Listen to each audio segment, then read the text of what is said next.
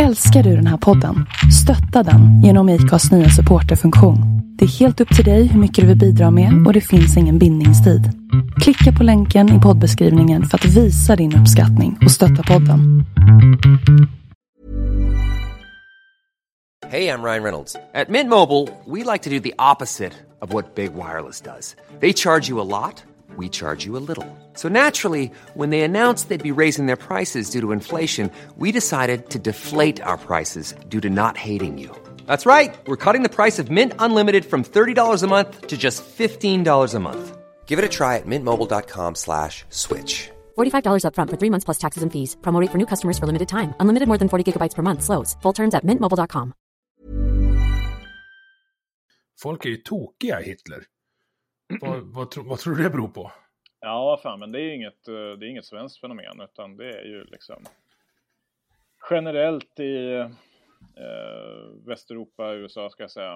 Eh, och det beror väl på liksom att den konflikten har blivit så central för vår för vårt gemensamma kulturella minne liksom. Alltså att eh, det, det är en konflikt som definierar vad uh, inte bara Västeuropa utan världen är idag uh, för oss. och då i mycket högre grad liksom än vad första världskriget gjorde. Mm. Så att det beror nog på det. Och sen, sen är det klart att det är, det är en liksom materia som är eh, väldigt tacksam för, eh, alltså, eh, jag menar, det så här ont och gott och, och liksom, alltså så där, det, det, det, tycks ju åtminstone ytligt som om att de här kategorierna är så väldigt tydliga i den här konflikten. Mm.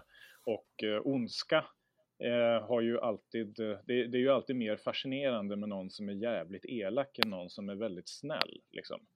Um, och eh, det är ju därför, jag menar man brukar ju prata om det alltså när det gäller film också och vet du, skådespelare brukar säga att det är alltid mer intressant att spela en, den onda karaktären sådär. Um, och det ligger väl någonting i det misstänker jag. Mm. Jag tycker att det blir, det blir liksom, vad ska man kalla det, lite nerdummande också. Jag läste den där uh, Ordinary Men till exempel, är ju ja. hemsk att lyssna på. Ja, just det. För den gör ju att man går in i sig själv och bara, mm, man, här, jag tror att 90% av de som läser om andra världskriget är övertygade om att jag skulle vara motståndsrörelse. Fast så är det ju inte. Ja, alltså eh, det där är jag. Eh, eh, jag har en delad eh, syn på eh, Christopher Brownings bok. Alltså, ehm, jag, jag förstår eh, jag förstår premissen och jag förstår även lockelsen i att liksom eh, kalla de här männen för ordinary men. Men, men på samma gång så menar nog jag att de ändå är ganska extraordinary. Um, det, alltså det, var, det var ändå liksom inte vem som helst som, eh, som gav sig in i de här Eh, förbanden. Och eh, dessutom så var det ju så naturligtvis också som sagt som man också påvisar att det gick ju att undvika att mörda judar om man nu inte ville det. Så att säga. Ja, jag håller, jag håller med om det. Men ja. min, min poäng i det hela är att, att eh, ja men de här, hur, hur ser du på de här, vad ska jag säga, filmerna som, ja men Valkyria och om vi ska ta det ännu längre, Tommy, typ Inglourious Basterds som till och med skriver om historien. Ja. Men just bilden av, alltså bilden av Hitler som ond, den köper nog de flesta. Mm. Men hur ser du på det här att han liksom kom till makten, fick med sig folk på att om, om inte liksom vara med, så ändå låta det ske mm. mitt framför ögonen. Mm. Vad, är det för, vad är det för mekanismer i mänskligheten som gör att sånt här ens kan hända? Ja, alltså, Eh, på säga att den som visste det. Eh, men eh, jag menar, uppenbarligen så är det ju så att vet, det finns något psykologiskt hos väldigt många som gör att vi har en tendens att, acceptera konsensus eller sådär. Eh, men, eh, men det blir ju lite förenklande att säga så också för att eh, man får ju liksom inte glömma att liksom Hitler, Hitler-Tyskland och, och diktaturen redan från allra första början backades upp av ett enormt eh, våldsmonopol liksom, från eh, statens sida. Mm. Eh, och då när man liksom står inför den typen av repressalier och kostnader för motstånd. Ja, då, då är det naturligtvis så att då, då, då liksom minskar väl eh, proportionen av befolkningen som är beredda att göra någonting. Men sen, sen ska man ju komma ihåg det att det var ju enormt många som gjorde motstånd. Eh, inte minst på den politiska vänsterkanten. Liksom. Eh, och sen då, eh, du nämner Valkyria. Ja, där, där har vi ju motstånd, för det, det fanns ju sånt motstånd också inom Wehrmacht och så vidare, eh, som kom mer från den mer konservativa högern. Då. Mm. Så det fanns ju sånt motstånd också. Uh, och, uh, Men den kanske grundar sig i, i, att hon tyckte att han gick för långt, eller vad ska man säga, även fast de kanske inte ja, alltså det, det var ju inte höll så emot att, på premisserna. Nej, alltså det var inte så att de här den motståndsrörelsen så att säga, de var ju inte, de var inte demokrater. Uh, utan de, de var ju fortfarande auktoritära och liksom, de ville ju inte återinföra demokratin i Tyskland. Men däremot så insåg de ju liksom att uh, Hitler är galen uh, och nazismen är vansinnig. Liksom. Mm. så att, och då så tänkte man ju att man skulle försöka göra sig av med Eh, med nazisterna, men ja, ta makten själva då så att säga och införa någon slags eh, auktoritär konservativt styre. Alltså den här idén om att en, en god diktator kommer vara det effektivaste som finns? Ja, eh, jag menar, eh, alltså demokrati, eh, man, om man tittar på det, var ju, det var ju delvis också därför som eh, nazisterna rönte ganska stor framgång från 1930 och framåt. Va? alltså att den eh, Weimar-demokratin liksom, och den demokrati som Tyskland hade upplevt hade ju eh, framstod ju för många kanske som eh, mindre eh, väl fungerande då. Och mm. Eh, då, då letar man ju efter alternativ. Eh, och då fanns det ju, jag menar, det, det, var ju även så att presidenten Hindenburg, alltså ville egentligen avskaffa demokratin, men det fanns ju någonting som hette konstitution. Då. Och eh, eh, Hindenburg var liksom inte beredd att, att, gå emot konstitutionen för att avskaffa demokratin och därför så var det en period, alltså den, den sista majoritetsregeringen eller den sista regering som har stöd, majoritet, eh, eh, stöd av en majoritet i parlamentet, den avgår ju i mars 1930 så tror jag. Det är ju en, eh, det är väl en koalitionsregering mellan eh, socialdemokrater och liberaler tror jag. Och det, den, den regeringen stupar ju på frågan om arbetslöshetsersättning eh, och hur hög okay. den ska vara och sådär. Eh, och eh, då, då avgår den socialdemokratiska rikskanslern och så vet du, utlyses nyval. Och det här var ju, det här var ju ett, naturligtvis ett sätt liksom ur uh, hindsight så var ju det här ett enormt misstag förstås. Alltså att, uh, vem vet, hade han suttit kvar och hade, då, det hade kanske aldrig blivit något Hitler eller något världskrig eller någon förintelse. Alltså, men det visste man ju inte då. Eh, och, och sen är det ju en period på eh, nästan tre år då, eh, där eh, liksom ministär på ministär bara avlöses därför att ingen rikskansler och ingen regering kan få stöd av en majoritet i parlamentet eh, och så utnyttjar då eh, Hindenburg-presidenten utnyttjar en klausul, artikel 48 i konstitutionen, som liksom ger honom rätten att eh, avsätta eh, regeringar och, eller, eh, och, och utlysa nyval. Då. Eh, och det här gör man gång på gång eh, för att försöka hitta en eh, regering som kan få en majoritet. Och det är ju inte förrän då Eh, DNVP, ett eh, nationalkonservativt eh, parti, eh, bildar Eh, koalition med eh, NSDAP som, eh, som man kan uppnå en sån eh, majoritet. Och då eh, hittar man ju också då samtidigt ett eh, smidigt sätt att eh, avskaffa eh, den här besvärliga demokratin i Tyskland. Då. Ja, alltså det här är, ja, det här är ju väl dokumenterat. Men finns det några kontroverser kring det här? Alltså orsak och verkan eh, motsvarande? Uh,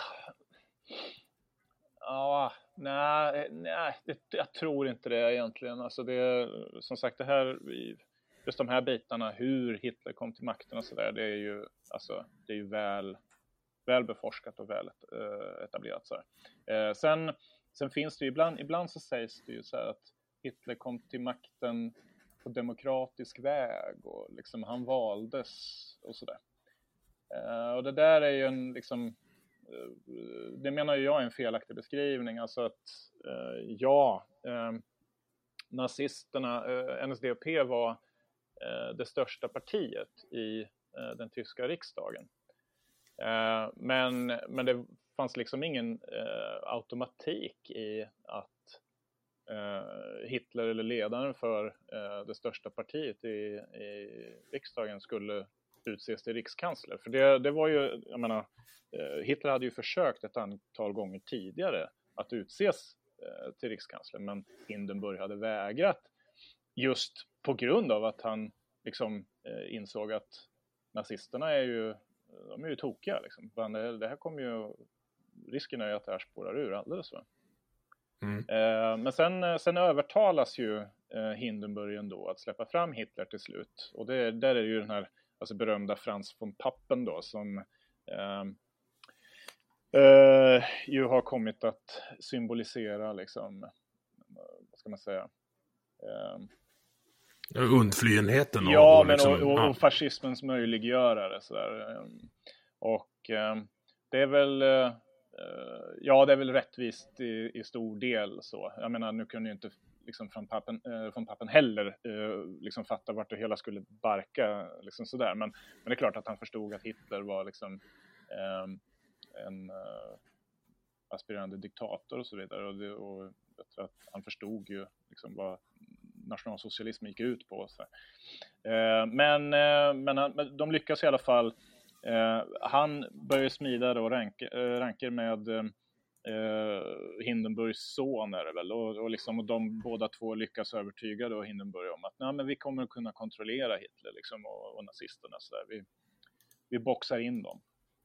Mm. Eh, och det gick ju inte. Liksom. Men, eh, men det, det är i alla fall så att, så att, om man nu ska kalla det en kontrovers, ja men då, då finns det väl lite, alltså så här, någon, någon, form av så här, lite olika syn på i alla fall.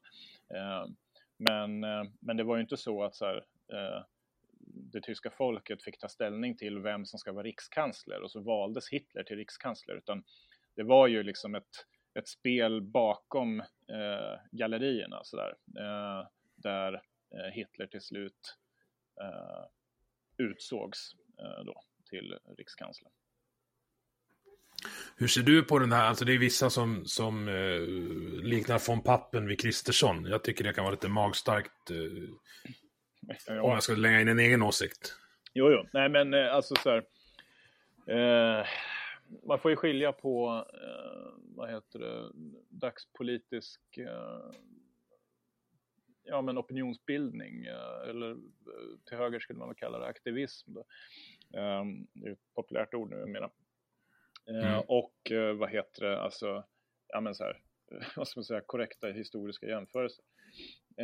Nu, angående historiska jämförelser så ska man väl säga att det är jävligt svårt att liksom göra sådana eh, på rak arm. Så här, för att det är liksom aldrig så att förutsättningarna är likadana. Eh, så att när man jämför två historiska skeenden så så blir det ju med nödvändighet väldigt ytligt. Va?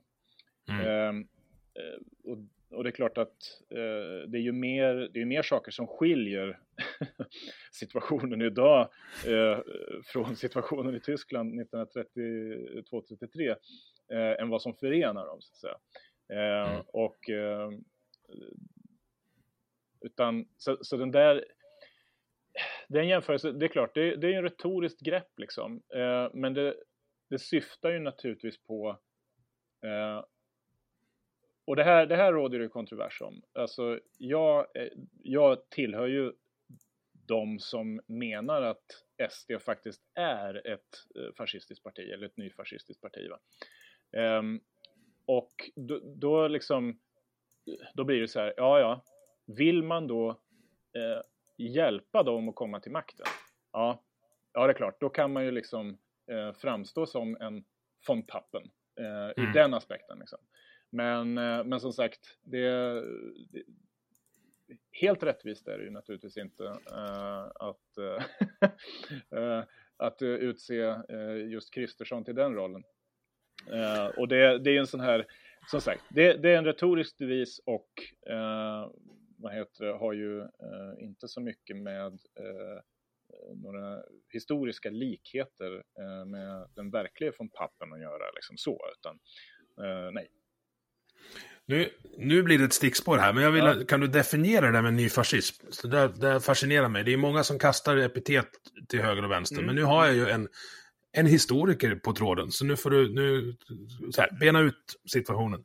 Yes. Uh, nej, men det, den uh, fascism som liksom uh, bildas i Italien under Mussolini. Det är mm. ju en det är, ju, det är ju en typ av fascism och den eh, ursprungsfascismen så att säga. Eh, och den utmärktes ju av ett antal olika saker liksom som eh, som naturligtvis idag eh, vi inte ser några spår av. Alltså det, det, det var ju en väldigt militaristisk eh, fascism. Det var liksom eh, uniformer och stöveltramp och det var eh, officiella hyllningar av våldet som politisk metod och liksom, alltså massor med sådana saker. Va? Mm. Eh, men så, och sen efter kriget, då, eh, då, då, sker det ju, det, alltså, så, det bör ju liksom påpekas att det här med liksom nyfascism och ny definition av fascismen, det är ju liksom ingenting som vi eh, historiker eller eh, fascistforskare i övrigt Eh, Eh, har hittat på själva. Liksom. Utan ursprungligen så kommer det ju faktiskt från eh, efterkrigsfascisterna själva. Eh, som eh, när, eh, det är ju Frankrike som den här eh, utvecklingen eh, sker under 60-talet sen. Med, eh, det är en rörelse som kallar sig för Nouvelle Droite, alltså den nya högern. där man liksom inser att så här, ja okej, okay, termen fascism är inte gångbar längre helt enkelt.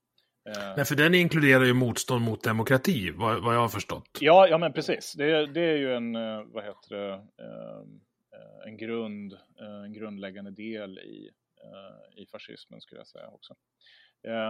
Men det har ju inte hindrat fascistiska partier i Europa från att utnyttja demokratin till Eh, för sina egna syften så att säga.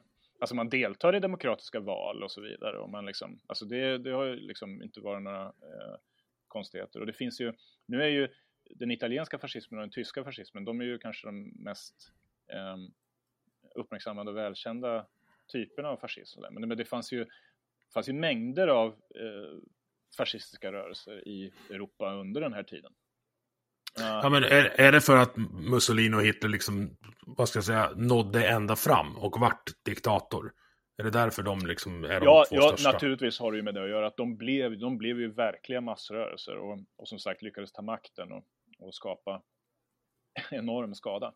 Um, sen, sen finns det ju liksom uh, delar inom fascismforskningen som också, för att vissa forskare hävdar ju att fascismen är ett, det är ett västeuropeiskt fenomen. Så det, fascismen fanns bara i Europa. Eh, men eh, på senare tid också så är det ju flera forskare som, eh, bland annat en eh, kille som heter Frederico Finkelstein som eh, har tryckt på att nej, men alltså om man börjar titta på eh, de mer generiska definitionerna av fascism, det vill säga då, och det, som liksom har kommit i efterkrigstidens tidvarv, där man tittar mer på, ja men det är en ultranationalism, Eh, Eh, och det är en, eh, eh, en retorik som talar om liksom, eh, nationens pånyttfödelse. Ehm, och eh, ofta, eller ja, eh, alltid så är det ju också en, en rasistisk eh, ideologi, liksom, där man eh, hetsar väldigt mycket mot invandrare och så vidare. Ja, och en ledarkult ingår väl också ganska tydligt? Ja, alltså eh, det, det, det, ingick i den gamla fascismen, ja. Eh, det var en, men men det, det var också så här,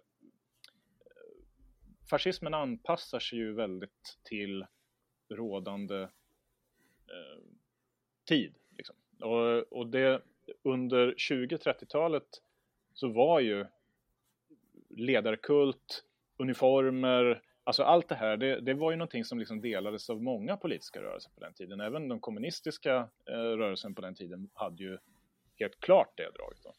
Ja. Eh, så det, det, fanns ju även där. Eh, och sen börjar man titta då på Japan. Ja, ja men absolut. Eh, Hirohito och så vidare, alltså kejsarkulten Ehm, och den japanska fascismen som liksom växer fram eh, under samma tid. Då. Eh, så det, och det, det är liksom ur, ur 60-talets franska eh, fascisters omstöpning av sig själva.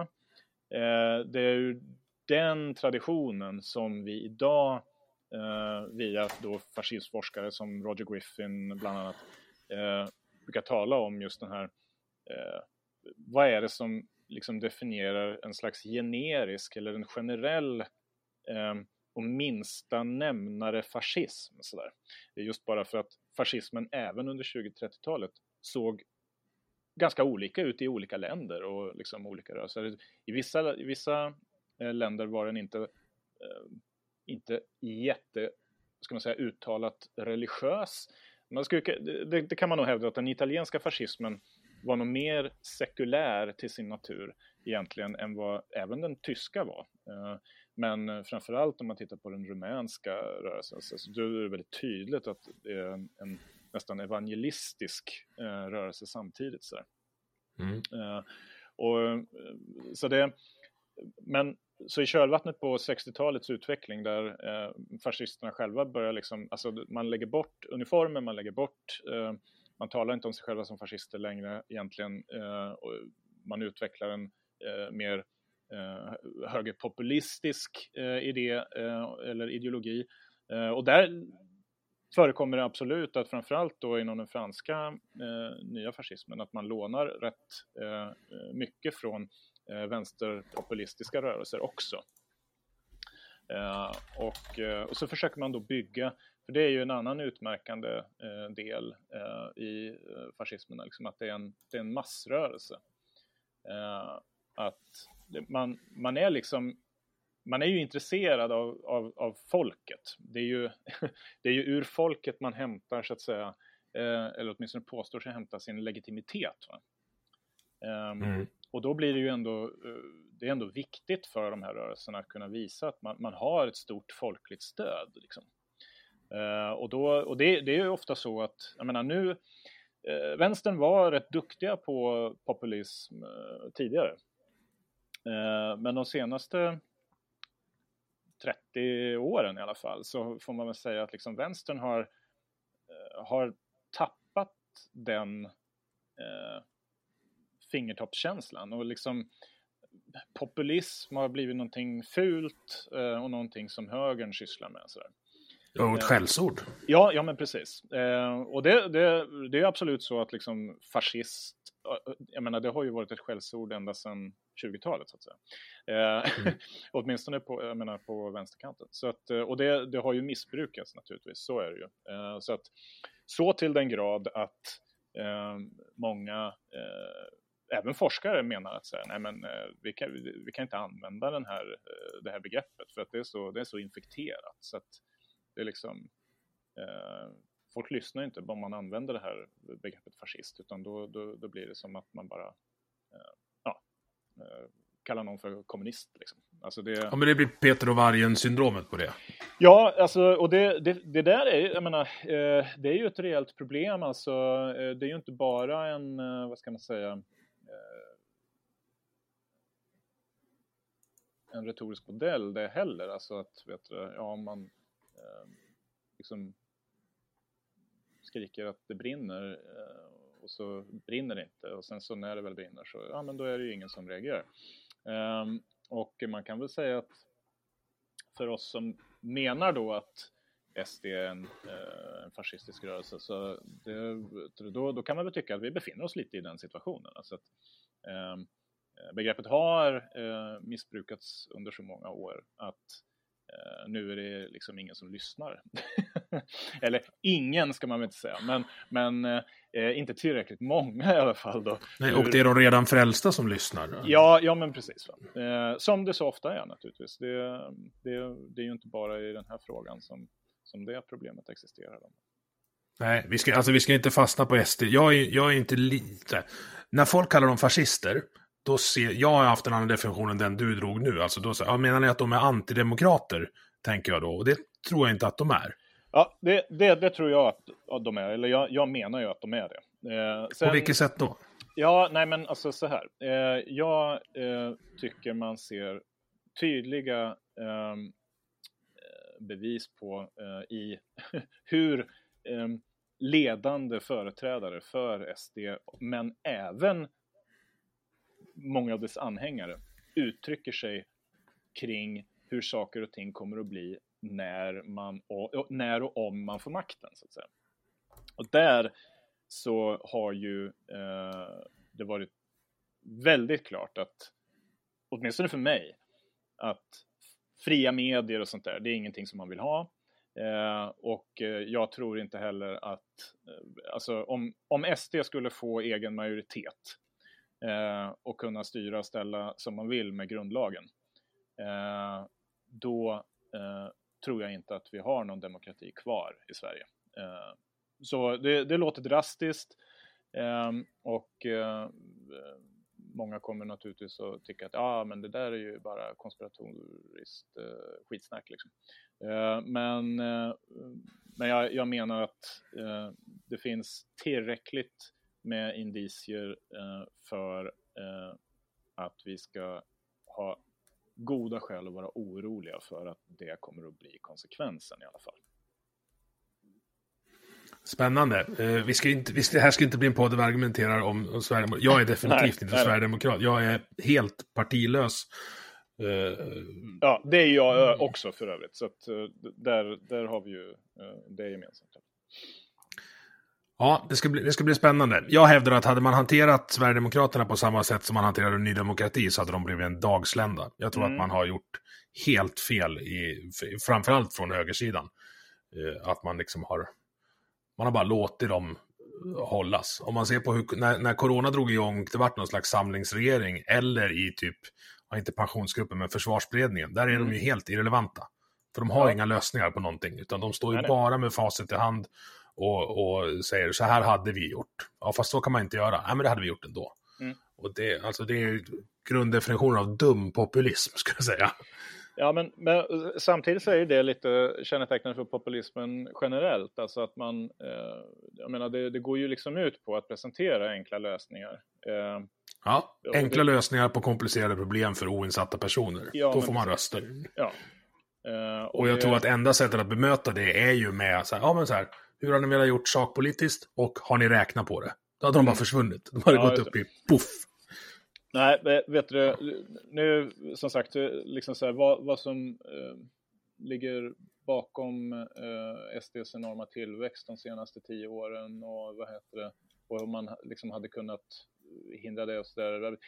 Ja, det, det, här är ju, det här är ju någonting som, eh, vad heter det, Eh, Eh, jag har ju en, eh, en syn på hur eh, historisk kausalitet fungerar som liksom som inte tillåter eh, sådana här kontrafaktiska liksom, scenarier. Alltså att Eh, jag menar ju att i en kausal värld så det, det, finns liksom inget utrymme för alternativa händelser så att säga, utan det som händer, händer och det sker därför att liksom allting som skedde innan skedde. Eh, och det, det, ja, men det där är en annan diskussion. Det blir lite deterministiskt liksom. Och, och... Ja, absolut. Ja. Eh, universum är ju deterministiskt i den liksom den värld som vi bebor i alla fall. Och sen, ja, ja, sen har vi kvanthändelser eh, som bubblar upp till ytan ibland och så här. Men den är ju å andra sidan då eh, odeterminerad. Det liksom hjälper ju inte det här vi hade kunnat göra annorlunda eh, resonemanget. Så att... Nej, eh, så är det. Jag önskar att jag hade startat den här podden tidigare så hade jag kunnat hänvisa till inspelningar. Det har jag haft rätt hela tiden. Men det går ju inte. Tyvärr. Ja. Men du, anledningen till att folk pingar in dig på Twitter när jag letar nya gäster, det är att du har bråkat med en tidigare gäst till mig, eh, finansierat av en annan tidigare gäst till mig. Så det, ja, det är lite ja. roligt. Mm. Både, både Aron Flam och eh, Henrik från Haveristerna har varit med här. Mm. Eh, och även Myra från Haveristerna, även fast hon inte är med där eh, Ja, längre. Mm. Eh, men Aron har skrivit en bok som heter. Det här är en svensk tiger. Jajamän. Som du har, kan vi säga, gett dig på. Ja, det får, kan man väl säga. Ja. Berätta nu var, varför Aron har fel. Oj, ja det, det skulle ta flera timmar att berätta det eh, i detalj alltså. Men Och jag är inte här som försvarsadvokat för Aron, utan jag är bara nyfiken på... på alltså jag är inte tillräckligt påläst för att slåss för någon av er i den här fighten. Jag Nej, jag vill nej. jag, jag är ju inte heller Arons försvarsadvokat, så att, eh, då Nej. har vi det gemensamt också. Ja. Nej, men eh, så här alltså grejen, eh, det hade ju sin upprinnelse i ehm, eh, en diskussion på Twitter mellan honom och mig och Eh, den, eh, det var ju en ganska, det var ju ganska kort meningsutbyte egentligen, eh, men utmynnade i att jag sa att ja men okej, okej, jag läser boken och kan recensera den live här på Twitter. Liksom. Det blir ju jätteroligt. Och så började jag göra det och då ehm, Alltså jag innan, innan jag läste boken så hade jag ju, jag hade ju hört eh, några avsnitt av hans podd, jag hade läst intervjuer med honom och sådär. Eh, och där sa han ju jävligt märkliga grejer liksom som, eh, som jag som historiker insatt i ämnet eh, visste att men det, här, det här stämmer ju inte. Vad fan får han det här ifrån? Har du något eh, exempel? Ja, nej men ett, ett jättebra exempel är ju det här med att eh, Sverige betalade krigsskadestånd efter kriget till exempel som man eh, håller på att hävda. Alltså, ja. Eh, eller att, eh, vad heter det, eh, Sveriges eh, handel med eh, Tyskland, att eh, eh, tyskarna betalade järnmalm eh, i guld och sådana grejer. Ehm, och det, men, men så det var många sådana här saker eh, som han eh, påstod eh, om eh, den svenska politiken eh, under andra världskriget och som eh, jag hade ju liksom egentligen inte när boken kom eh, 2019 så alltså jag, jag är osäker på om jag liksom visste alltså när den släpptes att den kom ut så här. Men jag men jag vet att vi hade något meningsutbyte då, eller, eller kanske tidigt 2020, jag vet inte. Men om det var på Twitter eller om det var på Facebook, kom jag, eh, det kommer jag heller inte ihåg. Men, men det, var, det var också bara kort så här, att, ja, eh, och slutade väl inte så väl det heller. Men sen, sen brydde jag mig, jag har ju liksom inte brytt mig om det där, precis som eh, huvuddelen av mina historikerkollegor inte har brytt sig om eh, Arons bok. Eh, det var en, eh, en kollega, Helene Löv, som skrev en artikel om att, eh, för Flam påstår ju också att ja, historikerna har förtigit den här delen av historien och sådär. Ett helt fullkomligt vansinnigt och barockt påstående. Och den delen av historien är alltså hur Sverige agerade under Ja, andra precis. världskriget. Och Arons tes är att vi var fegisar och inte vågade stå för det. Ja, men exakt. Eh, Och det, det är ju inte, alltså så här, om, om det bara var hans tes, eh, ja, då, då, är, då är det ju bara, då är det, så här, det är ju bara en åsikt, att jag tycker att Sverige var fegt. Ja, ja, okej. Ja, ja. det är liksom, det är ju någonting. Men, men det är ju inte, bara, det, är inte det han säger egentligen, utan han, han kommer ju med konkreta faktapåståenden som han menar att så här var det, så här gick det till. Eh, och det är ju där han har fel på i princip varenda punkt. Eh, och eh, jag, jag liksom misstänker att, alltså han, han blockar ju mig nästan omedelbart. Eh, han, han kallade mig för gravt störd, bland annat i början där eh, på Twitter. Och, eh, och så, så liksom har han ju aldrig bemött någonting i sak eh, överhuvudtaget. Eh, och eh, det är tråkigt är det ju för att eh, jag tror att eh, många som skulle ha uppskattat om han gjorde det. Jag hade älskat att se den diskussionen. Eh, ja, det hade behövts en, en, proff, en proffsmoderator Ja, emellan. precis. En, en, en, diskussion mellan honom och mig om uh, alla de här sakerna hade ju varit jätteintressant att lyssna på. Uh, men ja, jag vet inte. Kanske händer det någon gång i framtiden om Flam ångrar sig. Liksom. Uh, jag vet inte. Jag kommer jobba för det. Ja, det, här, det, här, kan vara en bra arena. Mm. Men eh, eh, så att, ja, redan innan jag läste boken så visste jag att han, eh, han har sagt eh, saker om eh, Sverige och andra världskriget som eh, inte hade någon, eh, något stöd i forskningen. Eh, och sen så, så, så, förstår jag ju så här att ja, eh, det, det, är ju många då som har liksom tänkt att så här, ja men vad då? är det då inte möjligt att Aron ändå hade liksom hittat eh, fakta som historikerna inte kände till. Eh, och eh, var det inte liksom orimligt av mig då att eh, redan från början vara så eh, otroligt skeptisk eh, till eh, Flams bok och avfärda den. Liksom. Eh, och då eh, måste jag säga, ja, så här, jag, jag, kan ju förstå att, jag kan förstå att för någon som är oinsatt i det här ämnet specifikt eller liksom i hur historisk forskning och vad, vad det innebär att vara historiker och så vidare. Och så här. Ehm, då, då, då, förstår jag att det kan framstå som rimligt att eh, någon eh, utan några kvalifikationer alls kan liksom komma någonstans ifrån och bara hitta en massa grejer som historikerna inte har sett eller förtigit och så. Eh, men, men det är liksom inte så eh, historisk vetenskap och historisk forskning fungerar. Liksom. Alltså det finns ju en anledning till att vi, att vi pluggar i fem år för att bli historiker och sen så liksom förfina vår expertis och, och, och så vidare under eh, decennier. Eh, och, och, det är ju att det är ett hantverk, det är en vetenskap och det kräver, det kräver stor kunskap och Eh, eh, ett handlag som man lär sig över tid. Mm. Eh, och, och då, så att, så att liksom, när, när någon som inte har, överhuvudtaget har eh, någon som helst eh, utbildning i ämnet eller några andra kvalifikationer på området överhuvudtaget alls kommer och säger att jag har upptäckt saker här som ni inte vet någonting om. Ja, eh, då eh, förhåller sig expertisen extremt skeptisk till det påståendet. Mm. Ehm, och eh, sen, sen måste man ju naturligtvis ändå då Ja, ja okej, okay, men vet du, om vi tittar på de här påståendena, vad du nu säger att du har upptäckt då, då vad, vad, liksom, vad har vi här? Och det var ju det jag gjorde.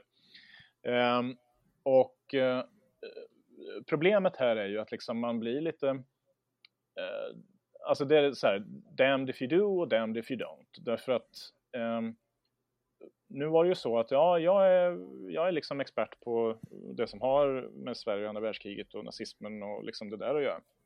Så det är ju det är främst de delarna av boken som jag har granskat. Ja, men då, då kommer ju naturligtvis invändningen att så här, ja men vänta nu, du kan ju inte recensera bara de delarna, du måste ju recensera hela boken. Eh, och Flam har ju liksom påstått att jag inte har läst hela boken och så här, vilket ju är lögn förstås, för jag har ju läst boken hur många gånger som helst nu. Jag har säkert läst boken lika många gånger som han har vid det här laget. Eh, men, eh, och det där var en retorisk överdrift då, bara så att ingen liksom eh, blir upprörd över det. Ehm, men, och ehm, men då hade jag, hade jag liksom gått in och recenserat hela boken. För det första så hade det ju tagit ännu längre tid. Och det fick jag ju också skit för. att Ja, han har spenderat flera månader på det här. Så, ja, men vad fan, vad, vad förväntar du dig? Liksom, jag, jag sitter och läser, jag har annat att göra också. Liksom. Jag kan inte bara sitta och göra det här. Um, så det är klart att det tar tid. Uh, och sen vid varje genomläsning så hittar man liksom mer fel. Uh, som, ja, okej, okay, då får man ta tag i det.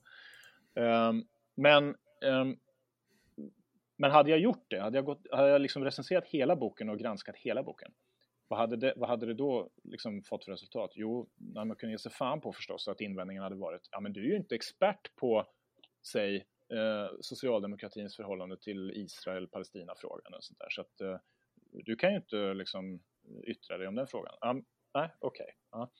Så att nu, nu liksom, ja men nu kringgår jag det problemet genom att titta på de delar som jag faktiskt är expert på eh, och eh, och sen så är en annan viktig sak som jag tycker att man måste framhålla då, det är ju att ehm, alldeles oavsett, alltså Flam har ju påstått, och det här är ju någonting som liksom hans anhängare upprepar gång på gång, att eh, jag hade redan bestämt mig innan då för att eh, såga boken. Ja, okej. Okay. Eh, nu var det så här, det är inte sant, jag hade inte bestämt att jag skulle såga boken på förhand. Ehm, jag, hade, jag visste ju att han sa saker som inte stämde. Men jag hade ju ingen aning om att det skulle vara så jävla illa som det faktiskt var. Eh, med liksom eh, faktafel och ja, så i boken.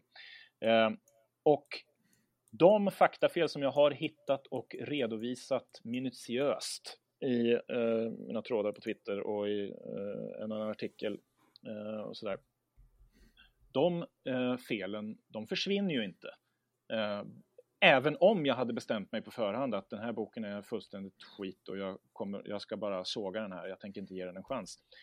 Eh, felen finns där fortfarande eh, och, och, och de måste eh, Flam hantera och bemöta.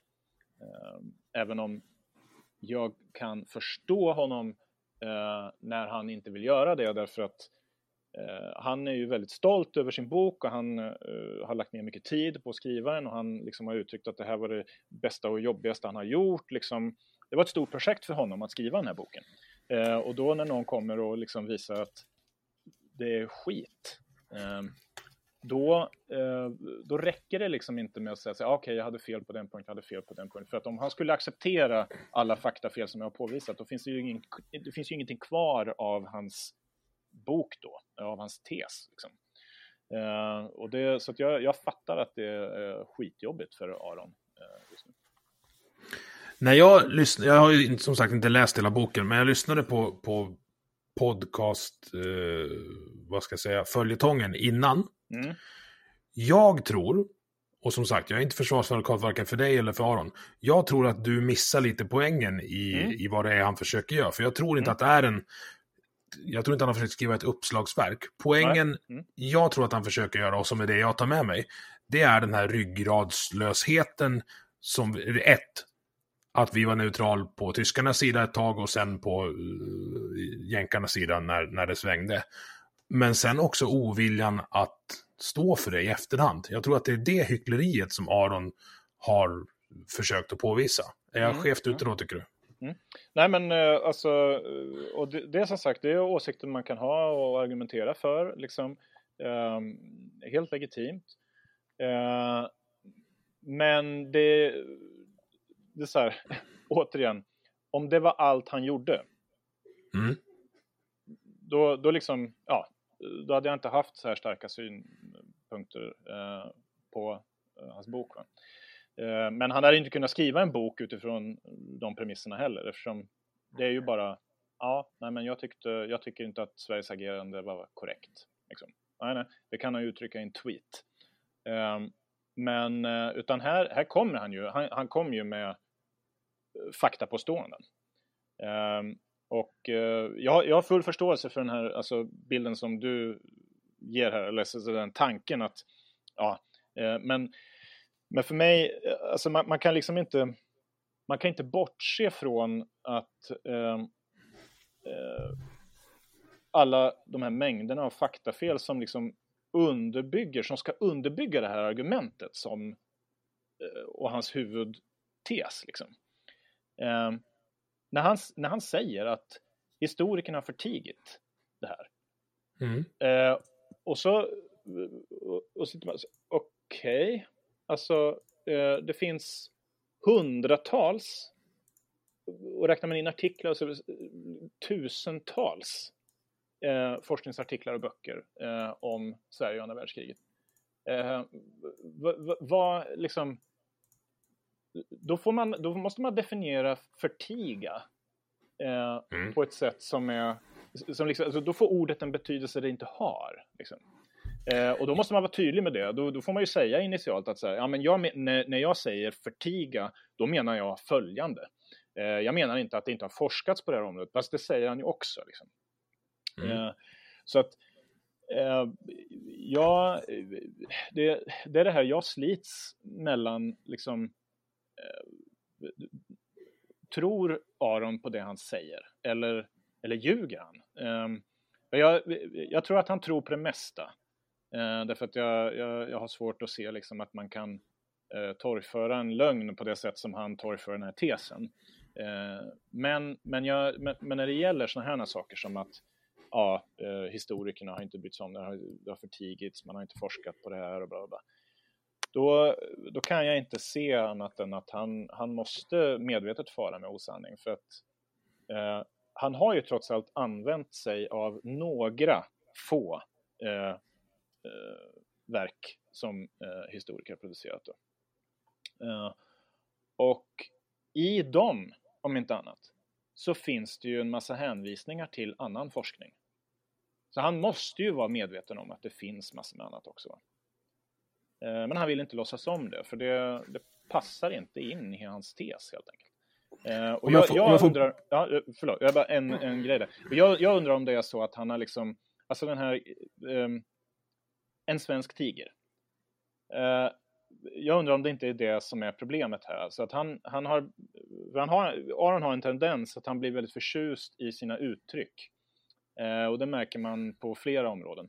Uh, och här, en rykande pistol, det är också ett uttryck som han är väldigt förtjust i. Och så åtminstone i boken. Men, och, och, jag tror att han har själv liksom, han har, han har fått en uppfattning, okej okay, det här är ett jättebra uttryck, en svensk tiger. Det kan man ju använda för att liksom eh, beskriva eh, för, förhållandet till Sveriges agerande under andra världskriget även efteråt.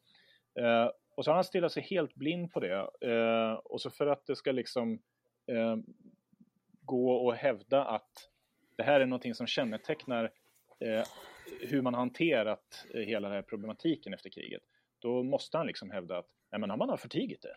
Det är en svensk tiger. Svenskar tiger om det här. Det, ja, det är så jag tror att det är. Mm.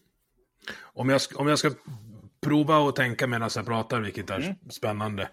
Jag, jag och nu blir jag för, försvarsadvokat, men låt mig, vara, låt mig prova att vara det en stund. Mm. Uh, jag tror inte att det spelar någon roll hur mycket man har forskat och skrivit om det. Jag tror att mm. transparens mäts på den allmänna uppfattningen. Alltså mottagaren bestämmer hur transparent det har varit. Mm. Jag tror inte att det är så många svenskar som vet vad Engelbrektsdivisionen är, eller eh, sabotaget på Avesta station. För jag tycker mm. att vi har pratat för lite om det. Alltså jag... Ja, in, så här, Aron, med alla eventuella fel och brister, har i alla fall öppnat upp mitt intresse något mer för just Sveriges eh, eh, vad ska jag säga, nu, nu, försök till neutralitetspolitik. Och du vet, då blir Aron Gateway-drogen till att eh, titta på den här eh, intervjun med Dabrowski och Margaret Thatcher när de pratar neutralitet. Och då, skäm, då tycker jag fan Sverige ska skämmas lite.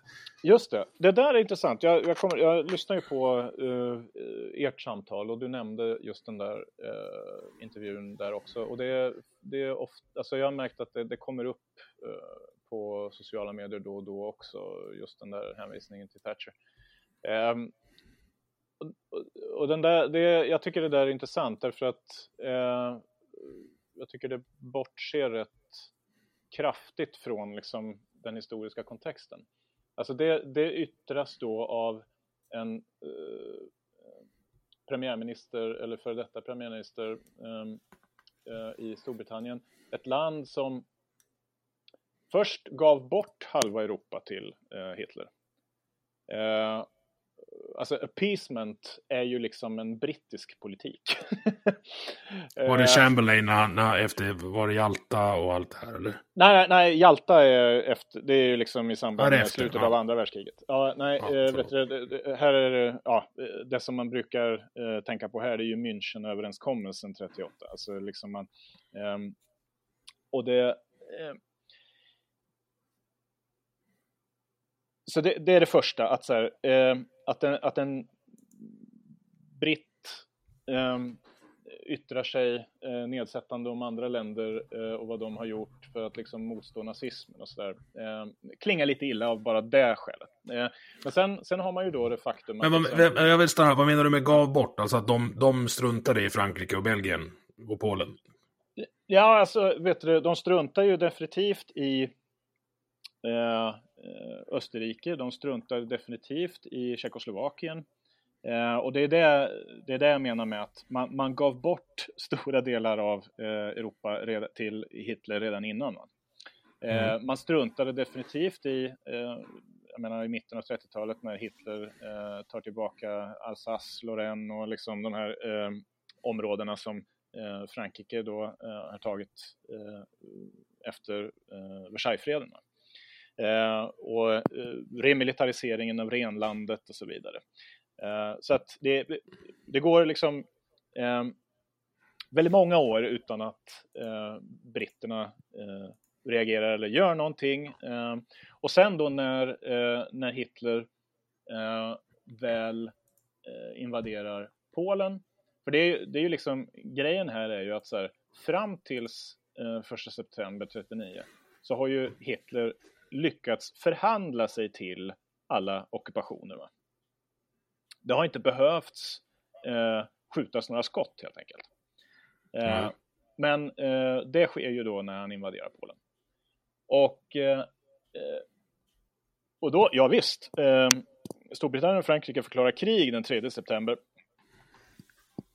Men sen så gör man ju inte så mycket mer och det är liksom, alltså perioden mellan eh, september 39 och sen fram tills eh, invasionen av ehm, eh, Norge och Danmark egentligen i april 1940. Det brukar ju kallas för the phony war. Eh, därför att det var inte så mycket krig egentligen. Eh, man var formellt i krigstillstånd men, men eh, det var ju inga krigshandlingar på kontinenten. så liksom. Eh, och sen är det ju då först när eh, Hitler invaderar Frankrike eh, i maj 1940. Det är ju då som det verkligen smäller. Mm. Eh, och, och, vet du, och sen eh, är det en annan sak då, det är det här med neutralitet. Ja, eh, då glömmer ju Thatcher eh, bort att det var rätt många länder som var neutrala eh, inledningsvis. Alltså, eh, inte bara Sverige, utan Norge, Danmark, Finland, eh, Belgien, Holland, Schweiz. Ja, alltså det, det, är många länder som eh, eh, ställer sig neutrala till eh, krigsutbrottet. Egentligen ur folkrättslig bemärkelse så är ju alla länder som inte deltar i kriget neutrala. Men det är liksom Mm. en annan sak. Eh, och eh, det är ju inget land, och det, framförallt USA är neutralt. Alltså, det, det, det, får vi inte glömma heller. Då. Eh, och det är inget annat land eh, som, som förklarar sig neutralt i krigsutbrottet som sedan går med i kriget utan att först ha attackerats av Tyskland. Eller Japan. Eller Japan. December 41. Mm. Eh, så så liksom, det, när, man, när man då ställer upp det här liksom, moraliska kravet på Sverige i efterhand att vi borde, vi borde ha liksom, eh, förklarat Tyskland krig eh, eller vi, alltså, av moraliska skäl skulle vi ha gått med i kriget och, och bekämpat ehm, eh, nazismen och sådär. Ja, jo, jo, det kan man ju tycka, men det, är liksom, det, det har ju ingen verklighetsförankring för det är liksom, ing- alltså, det, det, det, det är rosa drömmar liksom. Ehm, alla Ja, och, det, länder... och det kan jag köpa också. Alltså hela vårat, eller inte hela våra, men stora delar av vårt ekonomiska stora steg efter, efter andra världskriget var ju att våra fabriker stod kvar. Ja, alltså det där, det där är en här... Eh, det är en vanlig trop alltså. Man tänker sig att, men, men det, det stämmer inte alltså. Ehm, för det, det ser vi, alltså hela Västeuropa är, vad heter det, eh, är drabbat och vet du, förstört eh, efter andra världskriget. Hur märker vi det på någon, eh, liksom märker vi det på någon eftersatthet eh, industriellt i Västeuropa eh, idag? Nej, naturligtvis inte. Eh, så att det, det, där, det där stämmer helt enkelt inte att liksom Sverige var så framgångsrikt därför att vi eh, klarade oss från kriget. Ja, vadå? Norge var ju med i kriget. De är ju extremt framgångsrika. De var det väldigt tidigt. Danmark likadant. Tyskland, eh, inte minst. De länder som eftersattes rejält, det var ju de som hamnade på fel sida järnridån. Ja. Och som led under kommunism i 50 år. Eller ja, men så här, ja, tro fan att man retarderar utvecklingen. Men, jo, men, det måste, måste varit bättre att ha hela fabriker än sönderbombade fabriker, i varje fall säg från 45 till 47.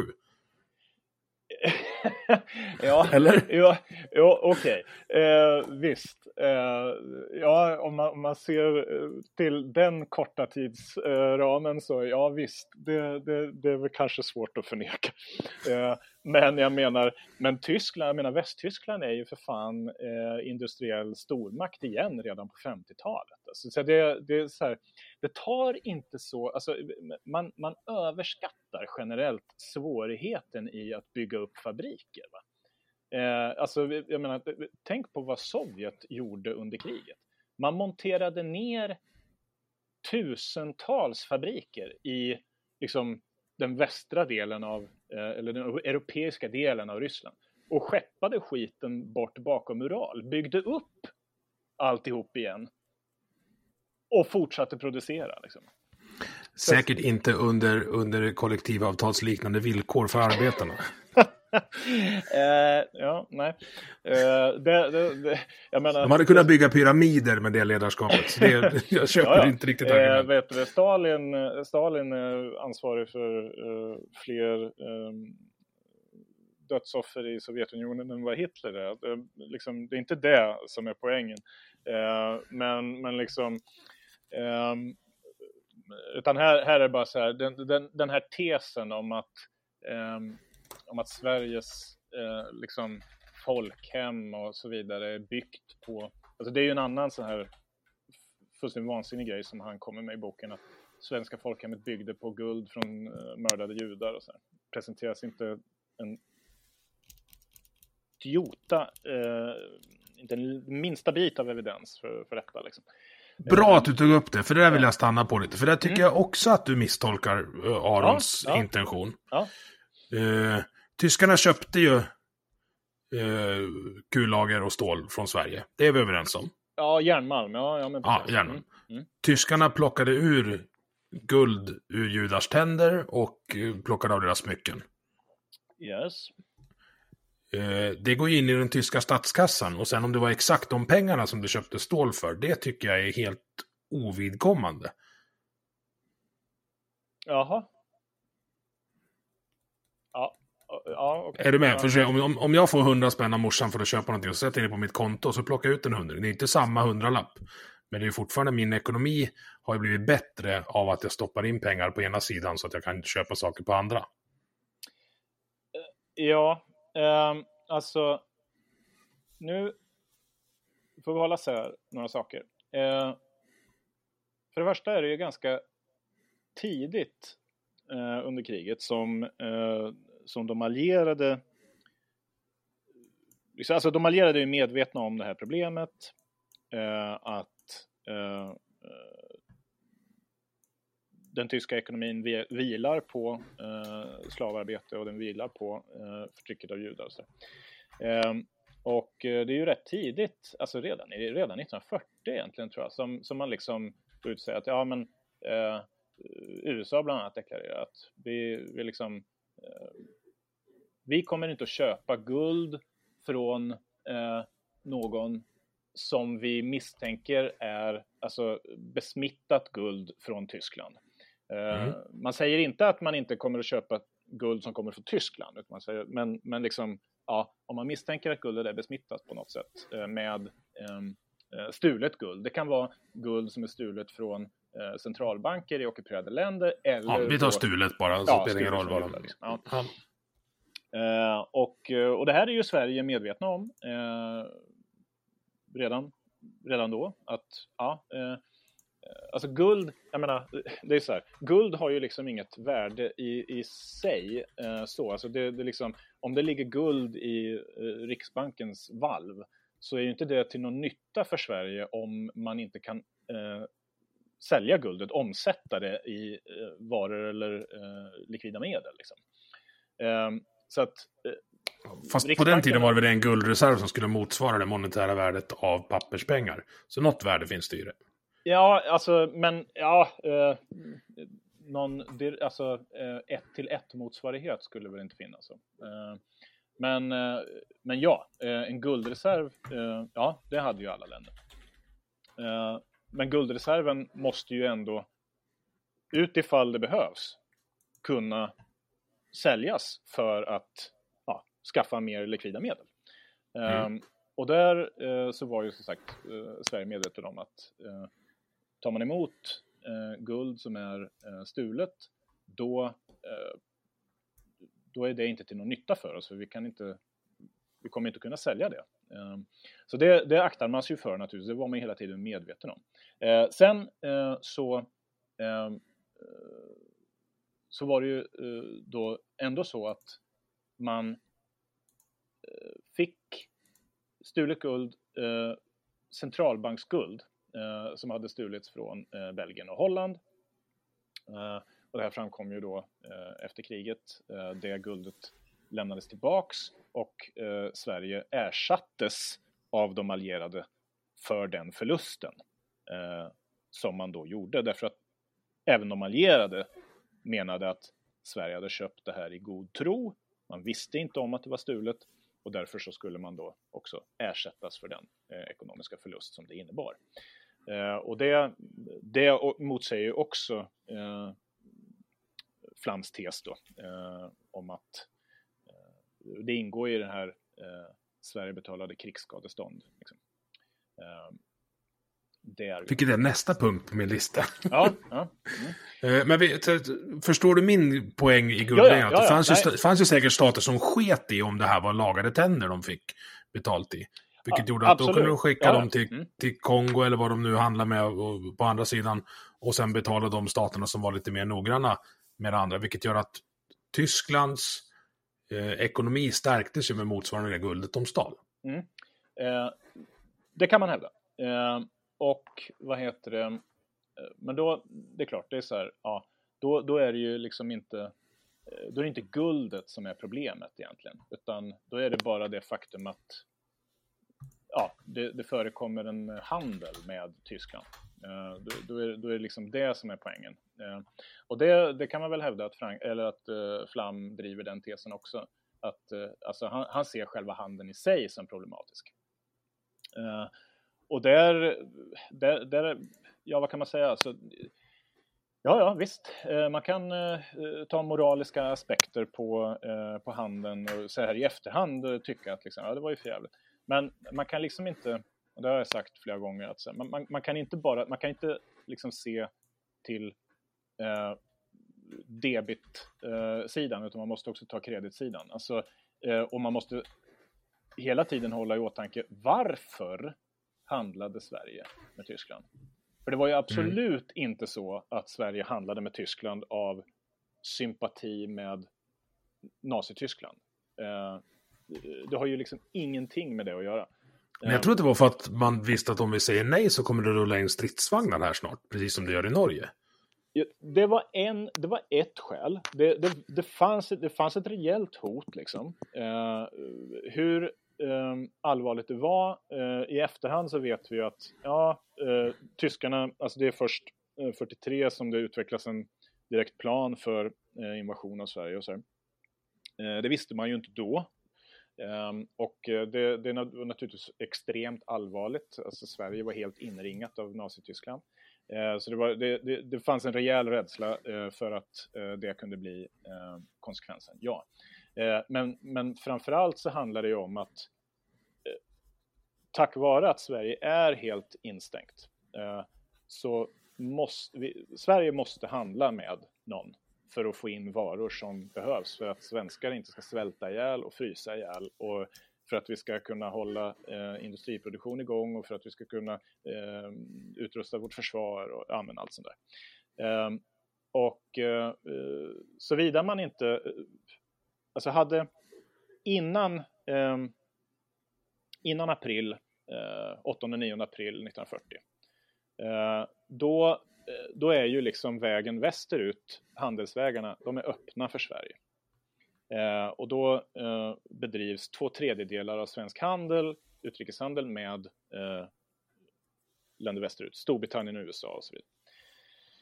Tyskland utgör ungefär 20 procent av eh, utrikeshandeln eh, innan det här datumet. Sen, sen så liksom minerar ju eh, britterna då och tyskarna också sen. Eh, så, liksom, så att Skagerrak, eh, Nordsjön är stängt. Eh, Norge är ockuperat av tyskarna. Eh, Sverige är helt avskärmat eh, från eh, väst. Eh, det enda som återstår för Sverige i handelsväg, det är Tyskland och tyskdominerade områden i Europa. Eh, så, då, och efter, så efter den här tidpunkten, då, då sker ju liksom 80 av svensk handel eh, med, med Tyskland. Mm. Av ren och skär nödvändighet. Eh, varför är det då bara 80 procent? Ja, nej men vet du, för att svenska förhandlare eh, är väldigt skickliga eh, och lyckas då eh, under 1940 eh, Eh, och det är på det senare delen av 1940, där på hösten, oktober, november där någon gång, som, som liksom man lyckas få igenom då vad, vad som har kallats för lejdtrafiken. Eh, och det är då att, för då förhandlar man med både Tyskland och Storbritannien om att eh, få eh, lotsa skepp, eller att få svenska skepp som kan lotsas genom minspärrarna helt enkelt i Skagerrak. För att kunna ta in lite varor eh, västerifrån och för att kunna föra ut en del eh, exportvaror. Då. Eh, och då, då godkänner britterna det också och det, i början där i alla fall så är det fyra skepp per månad i vardera riktningen som, som Sverige får då eh, godkänt. Eh, och den här lejdtrafiken den är ju eh, den pågår ju sen under eh, hela kriget men eh, är ju utsatt för eh, attacker eh, av eh, båda sidor och det är flera av de här skeppen som sänks eh, med sjömän som dör eh, som följd. Eh, det är ju en annan sån här groda som Flam häver ur sig när han liksom påstår att ja, medan amerikanerna minsann hade oro, eller så hade skäl att hålla tyst för att de hade skepp som kunde sänkas. Ja, det, det hade ju inte Sverige, så varför den här kampanjen En svensk tiger? Det, det är liksom, det är ju en, hel, det är en vanföreställning som inte bygger på verklighet utan i själva verket så var det ju så att den svenska handelsflottan levde extremt farligt under kriget. Det kan inte vara så att han menar krigsskepp i aktiv tjänst då? Om jag ska försöka ja, de, de, de, le, de, levde ju också eh, farligt. Alltså, vet du, vi har ju alltså 17 september 1941 när tre svenska jagare till exempel sprängs i Hårsfjärden. Eh, så att eh, det, det fanns liksom... Fast var inte det sabotage om... om jo, jo, ja, men, ja. men det, är ju det, det är ju det en svensk tiger handlar om. Spionage, ah, okay. sabotage, alltså, du vet. Det är ju sådana här saker som eh, är enormt viktigt att eh, hålla tyst om. Eh, även för ett neutralt land under, eh, i krig och även i fredstid kan det ju vara det. Jag menar så här, men vadå? vi får ju inte prata om vad som helst eh, som har med svenskt försvar att göra eller liksom så här, eller ens, ja, det finns ju handelshemligheter och sånt också fortfarande, men i fredstid. Så det, det där är ju inget konstigt, men, men, men återigen så tror jag att det, det, liksom, det handlar om en, eh, en alltför enklad syn på eh, historia och säkerhetspolitik och, och liksom, Flam är helt enkelt inte insatt i de här frågorna och så tycker han att det här låter klatschigt och så har han gjort det till en eh, din grej. Liksom. Ja, så här var det. Men eh, det var det alltså inte. Ehm, och, eh, och jag, jag, tycker ju liksom att det, det är så här, eh, med tanke på hur många eh, svenska eh, sjömän som dog under kriget så är det ju ändå liksom, det, det är ganska respektlöst att liksom tala om det här som ett eh, om att det, det var ju ingen som levde farligt eh, på svenska skepp. Liksom. Ja, det var det ju. Precis ja. som det var eh, livsfarligt att vara eh, flygare i svenska flygvapnet eh, under kriget. Och så, så jag menar, det, eh, det, det, det är så många aspekter på det här som är eh, tokiga då, eh, i, i Flams bok. Men, mm. men du, varför gick inte tyskarna in i Sverige då? Mer än med tåg och, och så? Eh, man, alltså, Sverige hade tur med sitt geografiska läge. Okay. Sverige hade tur under uh, kalla kriget också, så vi, vi ligger ju där vi ligger.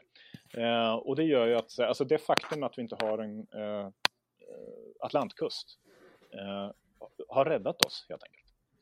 Um, Fast det lär ha funnits visst mått av dip, den här så kallade tysta diplomatin också. Jag tror ju att vi måste ha gjort eftergifter både till tyskarna under andra världskriget och till förmodligen bägge sidor under kalla kriget. För skulle Ryssland vilja ha en Atlantkust så är vi max ett fartgupp in i Norge.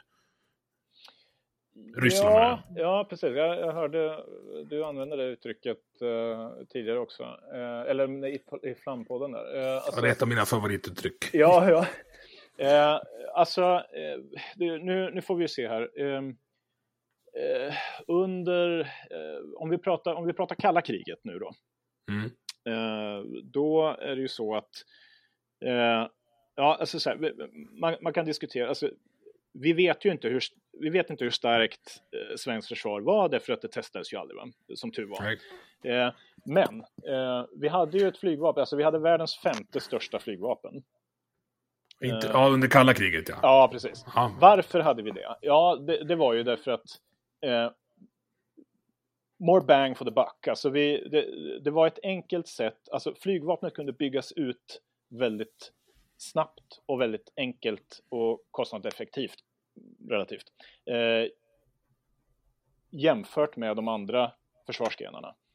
Det går alltså, snabbare att gömma ett Viggen än att gömma en jagare. Ja, och sen så är det så här, ja, och hur stor nytta har man egentligen av om vi skulle ha byggt 200 jagare? Liksom? Ja. Nej, inte jättemycket. Nej, alltså. Eh, men däremot 200 stridsflyg, ja men det, det har vi verkligen nytta av. Eh, och då ska man ha klart för sig att det var inga dåliga plan vi, vi byggde heller. Absolut alltså, inte. Absolut la, Lansen, Tunnan, Draken, det var liksom cutting edge när de kom. Jajamän. Uh, och sen, sen, var, sen var ju liksom, alltså, uh, sen hade de sina tekniska brister förstås. Och det var liksom så här, men framförallt så var det väl alltså så här, inställningen, uh, träningsupplägg, metodik. Um, andan inom flygvapnet och så här, som, som gjorde att eh, det gick åt väldigt mycket folk eh, i fredstid under kalla kriget. Alltså vi, vi snackar 550 svenska flygare som omkommer i flygolyckor under eh, perioden 40, 60, 91. Och där har ju JASen fått eh, otroligt dåligt rykte Aha. på grund av ganska publika krascher. Men räknar man hur många Viggen som gick i backen så är ju JASen en framgångssaga deluxe. Ja, ja alltså jag, eh, JAS har ju inte tagit livet av en enda flygare. Nej. Uh, så att, vad heter det, alla andra flygmodeller har ju väldigt många flygares liv på, på sig så att säga. så att det, det är inget snack om det. Den där, Nej, det där är jätteintressant och vet du, jag, jag, jag tror ju att det där hänger ihop med att JAS-krascherna kommer när de kommer. Och där de kom också, framförallt den andra. Ja, ja, ja, ja nej, men precis. Och de filmas och så här, och det, det är liksom väldigt dramatiskt. Men, men sen är det ju också så att det, det, kalla krigets slut, liksom. Alltså det, det är precis där. Och då, det, det är också i samma veva som man börjar ifrågasätta neutralitetspolitiken eh, generellt. Eh, det har man liksom inte gjort tidigare. Eh, och, eh, för det, det rådde ett enormt samförstånd liksom kring den här politiken även under kalla kriget. Men, men sen 89-90 där, så då börjar det, då börjar det ifrågasättas. Och det är liksom, saker och ting börjar, Sovjet börjar eh, upplösas. Och, det, ja. och sen så tar ju kalla, kalla kriget slut och då, då blir då blir det liksom kutym att inte nog med att säga ja men det här enorma svenska försvaret som vi har, det, dels ifrågasätter man det, liksom, vad ska vi nu ha det till och så vidare. Och, och så JAS kommer liksom att få bära hundhuvudet, bli eh, en slags eh, symbol liksom för ja men det här är ju, det här är ju en katastrof liksom. Varför, vi kan inte hålla på och bygga flygplan, varför ska vi, varför ska vi bygga flygplan? Och jag menar det, det i sig är ju ett, eh, är ju ett helt, egentligen är det ju ett vansinnigt projekt, alltså att så här, man tänker okej, okay, Sverige med en befolkning på 7 miljoner där, eh, när det börjar, alltså eh, vi inte nog med att vi ska liksom föra en alliansfri politik, utan vi ska också, vi ska ta med fan bygga eh, våra egna flygplan. Alltså, du, du, vet, det finns ju inget annat motsvarande land som, som ens skulle komma på tanken att göra en sån här grej. Va? Och egna ubåtar också, som inte heller är, är ja, helt lätta att bygga eller svinbilliga. Nej. Eh, och, eh, men, men, där... men, även de är ju hur bra som helst om man jämför med på internationella marknaden. Ja, och då, då, då liksom, det, för det som händer, det är ju, det är ju den här alliansen liksom mellan eh, socialdemokratin och eh, storfinansen. Eh, som, som liksom blir, framförallt eh, Wallenbergarna blir ju jätteviktiga eh, i eh, uppbyggnaden av det svenska försvaret eh, efter andra världskriget. Eh, Saab eh, är ju liksom eh, den verkliga vinnaren här. Jag menar, de mm. har ju ett ramavtal med staten där staten garanterar Saab 10% vinst om året. Liksom. Eh, och, och, och, de ska då bygga upp det här enorma flygvapnet som liksom ska eh, skydda Sverige. Och där, ja, då kommer vi åter till det här fartguppet. Alltså, eh, vi, vi vet ju inte, alltså, det är inte helt enkelt att invadera Sverige sjövägen. Nej. Och det är inte lätt att göra det landvägen heller från uh, Ryssland. Alltså det, det, liksom, det, finns bara några enstaka farbara vägar och de går ju genom Finland och sen in genom Sverige. Och alltså, säga vad man vill om, om det svenska uh, värnpliktsförsvaret, men, men vi hade kunnat göra det jävligt besvärligt för ryssen uppe i Norrland. Alltså. Eh, ja, om, men om man, om man går tillbaka till, till, till flygvapnet så var ju det uppbyggt, i varje fall från 90-talet och framåt, för någon slags gerillakrigföring. Det var det också. Eh, alltså just det här med, med decentraliserade baser och liksom ja. Eh, vägnätet som eh, ett, eh, vet du, som start och landningsbaser och så här. Det var ju, jag menar, det var ju en, en, en grundläggande del i eh, den svenska eh, försvarskonceptet. att, ja, men, men, det hade man ju lärt sig av andra världskriget. Alltså man säger så här, ja vad fan, vad händer om man samlar alla flygplan på ett och samma ställe? Jo, men liksom, och med de vapen som sen fanns tillgängliga atomvapen och så vidare. Alltså det, hade, det, det blir inte hållbart liksom. Vi måste hitta ett annat sätt och, vad heter det, eh, och basera våra eh, väldigt ändliga resurser på. Liksom. Eh, och då, då, då, hittar man ju det här och det, där gör man ju väldigt innovativa lösningar också med eh, vad heter det, både Draken och Viggen som ju liksom eh, kan operera från den här typen av baser och där man liksom det, det, finns ju många berättelser som helst om det här med utländska eh, militära dignitärer som besöker Sverige och bara Va? Sätter ni värnpliktiga på att serva krigsflygplan? Liksom. Ja, ja. Det är, de, det är de enda soldaterna vi har. ja, ja, ja, men visst. Uh, och, och det här, uh, så, så, jag menar, det är en, det är en oerhört fascinerande utveckling. Liksom. Alltså vi, vi, jag, jag, jag, jag brukar ju tala om liksom, utvecklingen i Sverige efter andra världskriget som en eh, eller så här, eh, det finns en brittisk teknikhistoriker som heter eh, David Edgerton som han har utvecklat ett begrepp när han pratar om motsvarande utveckling i Storbritannien om welfare and warfare där mm. välfärdsstaten byggs upp sam parallellt med en krigförarstat. Så eh, och, och, och, man kan se exakt samma tendens i Sverige där Eh, man samtidigt bygger upp en, ett enormt välfärdssystem och en välfärdsstat och sen å andra sidan bygger upp inte bara en krigförarstat utan också ett enormt utbyggande av civilförsvaret. Så det, liksom, Sverige militariseras ju i enorm grad under kalla kriget-decennierna. Eh, Mycket mer, ska jag säga, än vad man har gjort under hela krigsperioden, alltså under andra världskriget. Så det, det, det, är också lite så här kontraintuitivt, om man tänker på kalla kriget som en period av fred, men, men, men det var ju liksom en, en period som de, eh, karaktäriserades av eh, krigstänkande eh, rakt igenom, måste man ju säga. Mm. Förberedelse för den konflikt som var väntad men som aldrig kom. Liksom. Så att eh, min poäng är bara att så här, jag, jag, tror att Sverige hade varit mer än ett fartgupp. Eh, sen, sen eh, vet du, Okej, tror fart, jag... farthinder då kan, kan ja, jag, ja. jag, tror, eh, jag tror inte vi hade hållit emot mer än ett halvår kanske. Nej, nej, nej. nej, nej om nej, Ryssland nej. hade liksom gasat. Ja, ja, nej, det är klart. Hade, hade, hade, hade liksom Sovjet fått för sig att nej, men nu, så här, nu allting hänger på det här och du liksom slängt in allt man hade och så här, ja, ja, nej. Då, de hade inga pissdåliga flygplan de heller riktigt. Nej, eh, alltså så här, jag menar, eh, det är ju flygvapnet opererar ju på, alltså det, det, man tänker sig ungefär att man har en, eh, en två veckor. Mm. Sen, sen, är flygvapen, sen är allting bortskjutet liksom. Men vad räknar man med skulle hända efter de två veckorna då? Alltså det, det är väl bara NATO som skulle kunna hjälpa oss och då absolut, för att skydda absolut. Norge?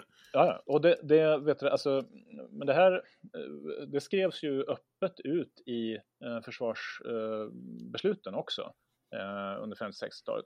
Alltså att eh, man klarar sig kanske någon månad, men sen, sen måste vi ha hjälp utifrån. Eh, och sen, sen specificerades, sen skrevs det aldrig ut vart hjälpen skulle komma ifrån. Eh, men, men det var ju liksom hjälp västerifrån som man förberedde eh, under hela, eh, liksom, alltså det börjar ju sent 40-tal egentligen. Uh, Vi är pissdåliga på att vara neutrala. Fan. Ja, alltså så här. Grejen är att vet du, det här med neutralitet i... Um, alltså Sverige förde en neutralitetspolitik under kalla kriget. I fredstid så kan man liksom inte vara neutral, utan det är ju någonting som man är i krigstid. Man är alliansfri i fredstid då? Ja, alliansfri, precis. Och det var ju Sverige. Sverige var ju alliansfritt, för vi, vi var ju inte med i NATO. Eh, däremot så, vad heter det, eh, samarbetade vi ju eh, väldigt mycket med eh, kanske inte så mycket, alltså, kanske inte så mycket NATO som organisation i sig, men, men med eh, liksom, länder som var med i NATO eh, och man, man gjorde sig, eh, förberedde sig för att kunna eh, ta emot hjälp eh, västerifrån och sådär. Och det var väl, jag menar så här, det, ja, alltså hade regeringen inte gjort det så hade man ju varit totalt ansvarslös. Liksom. Det, var, det var naturligtvis det man var tvungen att göra. Eh, men men hela tiden så var ju ändå eh, ambitionen att kunna hålla sig utanför ett framtida krig, krig eh, i, så, eh, i så mån att det gick. Eh, och där blev ju liksom den for, alltså formella alliansfriheten rätt viktig därför att eh, som medlem i NATO, ja, då, då, hade det, då, då hade vi varit med från första början. Mm. Regeringen ville liksom bevara någon slags eh, option eh, för Sveriges del där man ehm, eh, helt enkelt ja, eh, kunde då hävda sin neutralitet i krigstid.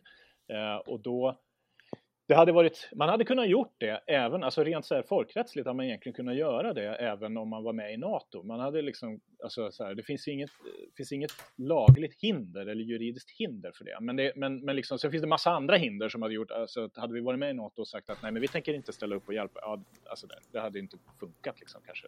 Men, nej men det är den här alltså artikel 5-grejen som ja, man vill undvika, ja, att man är tvungen det, det, att... Finns ju, det finns ju den här berömda skrivningen att, vet du, alltså att, som, som där man då inte, man behöver inte ge militärt stöd, om, alltså, utan man, man, kan stödja på andra sätt också. Eh, och vi, har ju, vi såg ju, framförallt var väl under Irakkriget så såg man ju eh, exempel på hur liksom vissa NATO-länder köpte eh, amerikanska argument och, och gick med, medan andra inte gjorde det. Eh, menar att nej, vi har ingen vi har inget ansvar liksom, enligt artikel 5 att komma och hjälpa er nu. Liksom. Eh, så det, det, det, där har ju tolkats lite olika. Men, eh, eh men, men ur eh, den viktiga distinktionen som jag är ute efter här, det är ju liksom att eh, neutralitetspolitik och neutralitet är inte samma sak. Eh, det här är jättesvårt för liksom, folk att begripa, men, men det, det liksom, Sverige bröt inte mot neutraliteten under kalla kriget. Eh, för det fanns ingen neutralitet att, att bryta mot. Liksom. Däremot, för att det inte var krig, alltså i, nej, i, i eh, den benämningen. Nej, däremot så var det ju så att alltså, neutralitetspolitiken bygger på trovärdighet. Eh, alltså det vill säga att eh, andra, eh, de krigförande länderna, så att säga, de, eller de som kanske kan, kommer att hamna i krig, de ska ju liksom tycka att det är troligt att Sverige kommer att förhålla sig neutralt i krigstid. Eh, för att den svenska politiken ska ha någon effekt. Va? Eh, Nej, men då tror jag Ryssland betraktar oss som en medlem i NATO i princip. Ja, alltså så här va. Eh, den sovjetiska... Eh, Sovjet var medvetet om att eh, man spelade under täcket med, med väst. Men samtidigt så hade Sovjet också ett intresse av att Sverige förblev utanför NATO. Eh, och liksom väst hade ett intresse av att Finland förblev utanför Warszawapakten. Även om liksom Sovjet hade stort inflytande i Finland och, och, och tvärtom.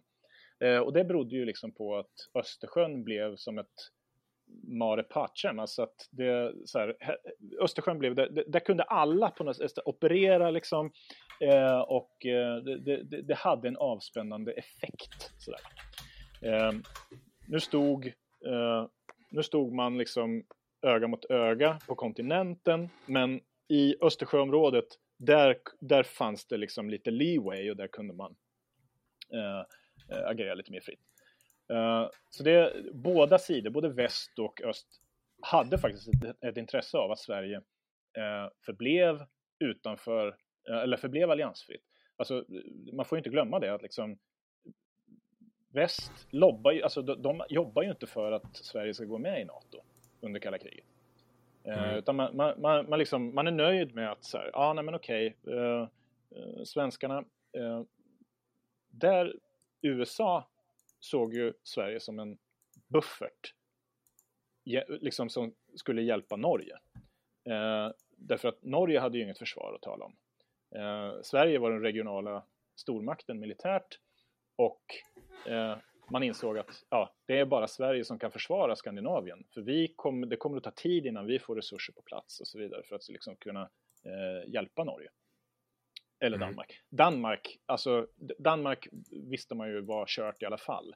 Uh, med liksom, för att det räknar man ju att på kontinenten så skulle Sovjet bara köra över liksom Öst, äh, Västeuropa, uh, mer eller mindre i ett inledande skede i alla fall.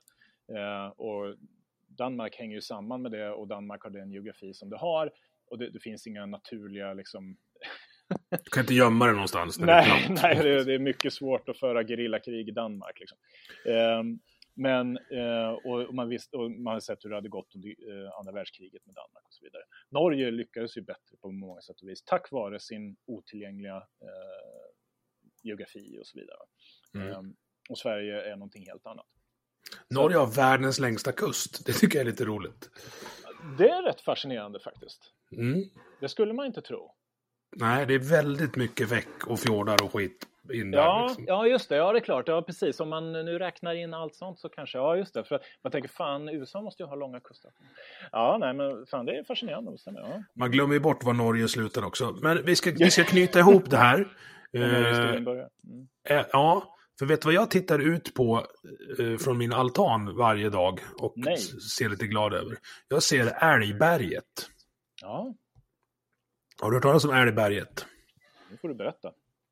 Det är ett berg mellan Leksand och Dala-Järna där HS-bataljonen utbildades.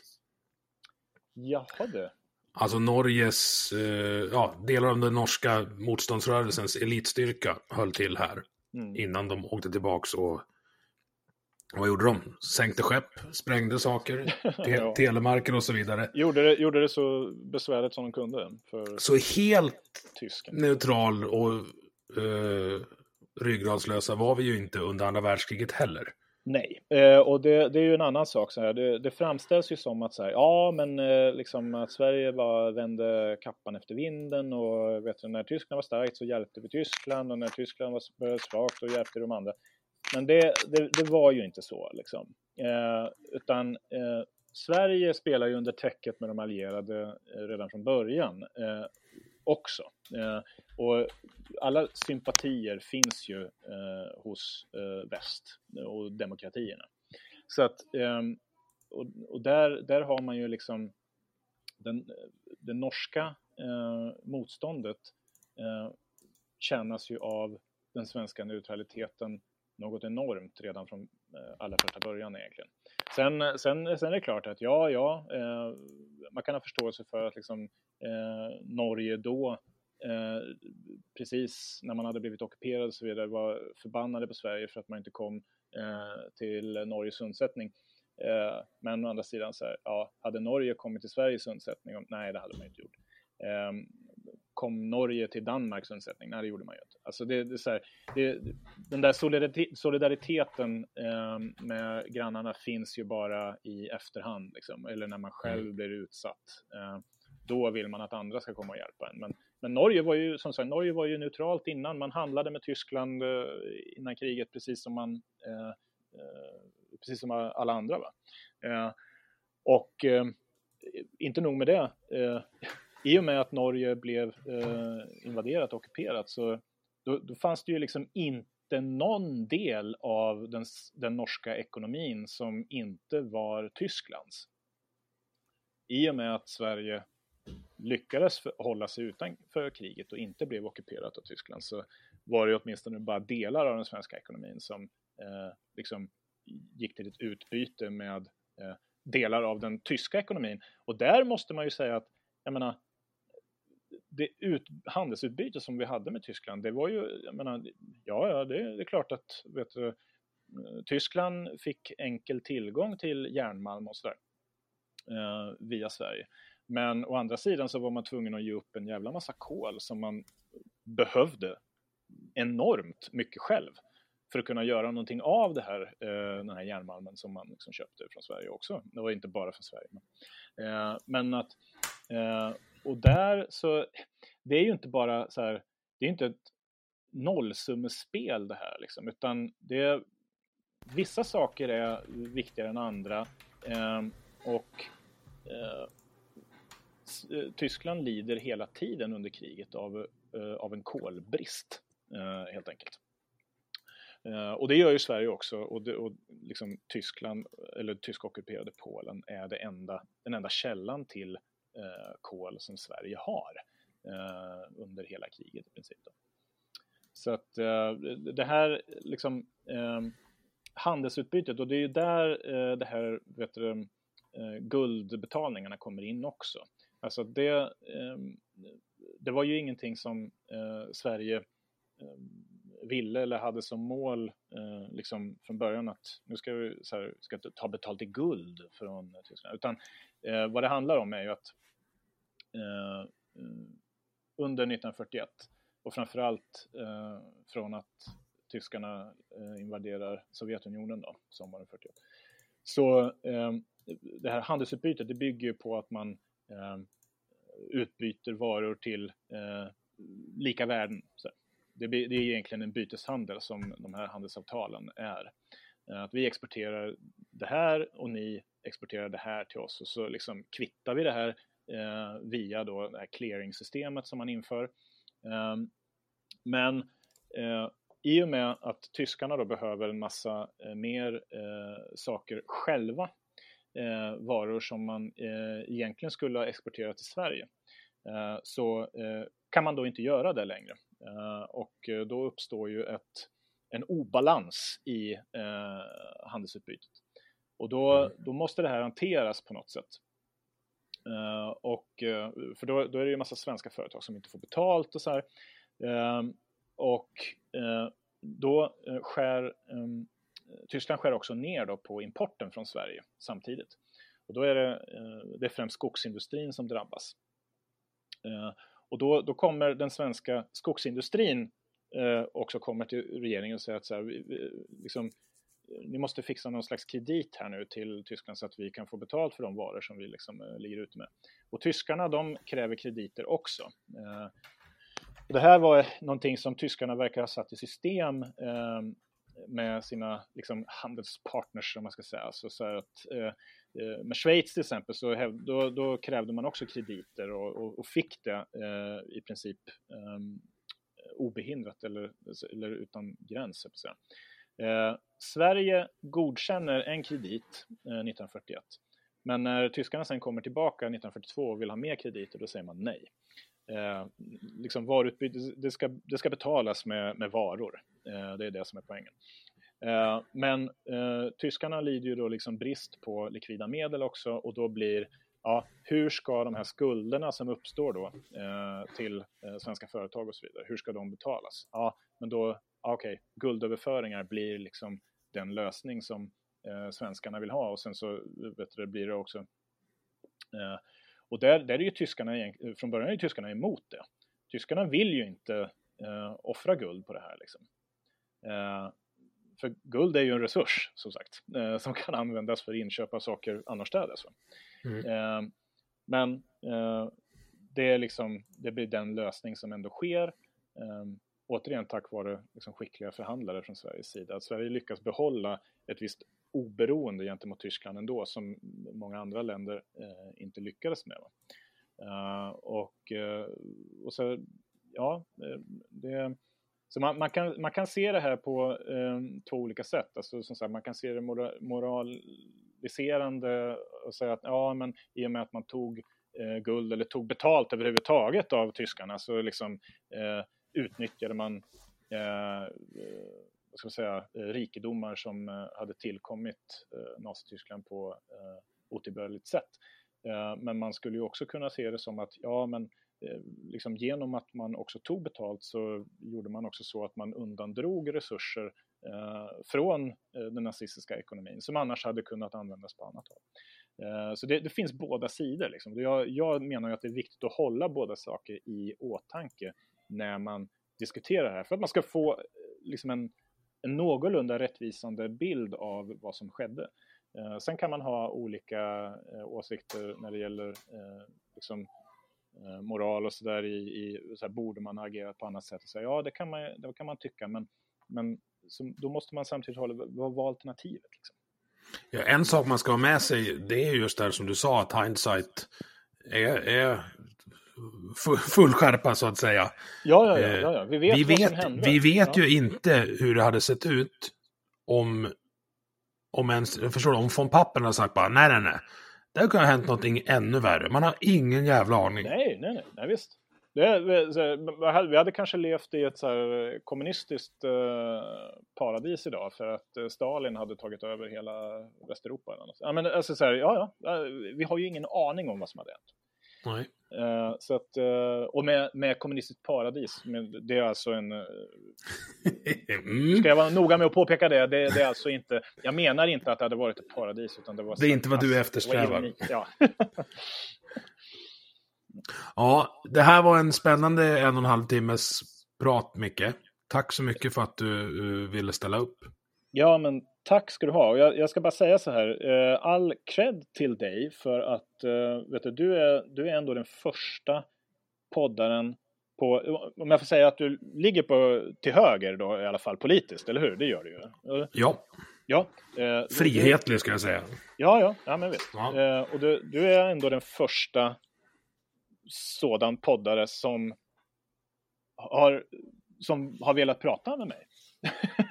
så det tycker jag är jättebra. Jag tycker, det här var jättekul. Eh, och vi, jag pratar gärna med dig någon annan gång också. Så. Jag ska försöka få dig och Aron i samma rum. Kanske en vägg emellan. Bra. Ja. bra, tack så mycket. Tack ska du ha. Du har lyssnat på Vi måste prata som produceras av mig, Emil Nilsson. Tycker du om det du hörde? Dela avsnittet med dina vänner och på sociala medier. Vill du stötta podden kan du göra det via Patreon där du hittar den på patreon.com snedstreck vi måste prata i ett ord. Eller så swishar du en slant till nummer 123 671 46 79. Vi hörs!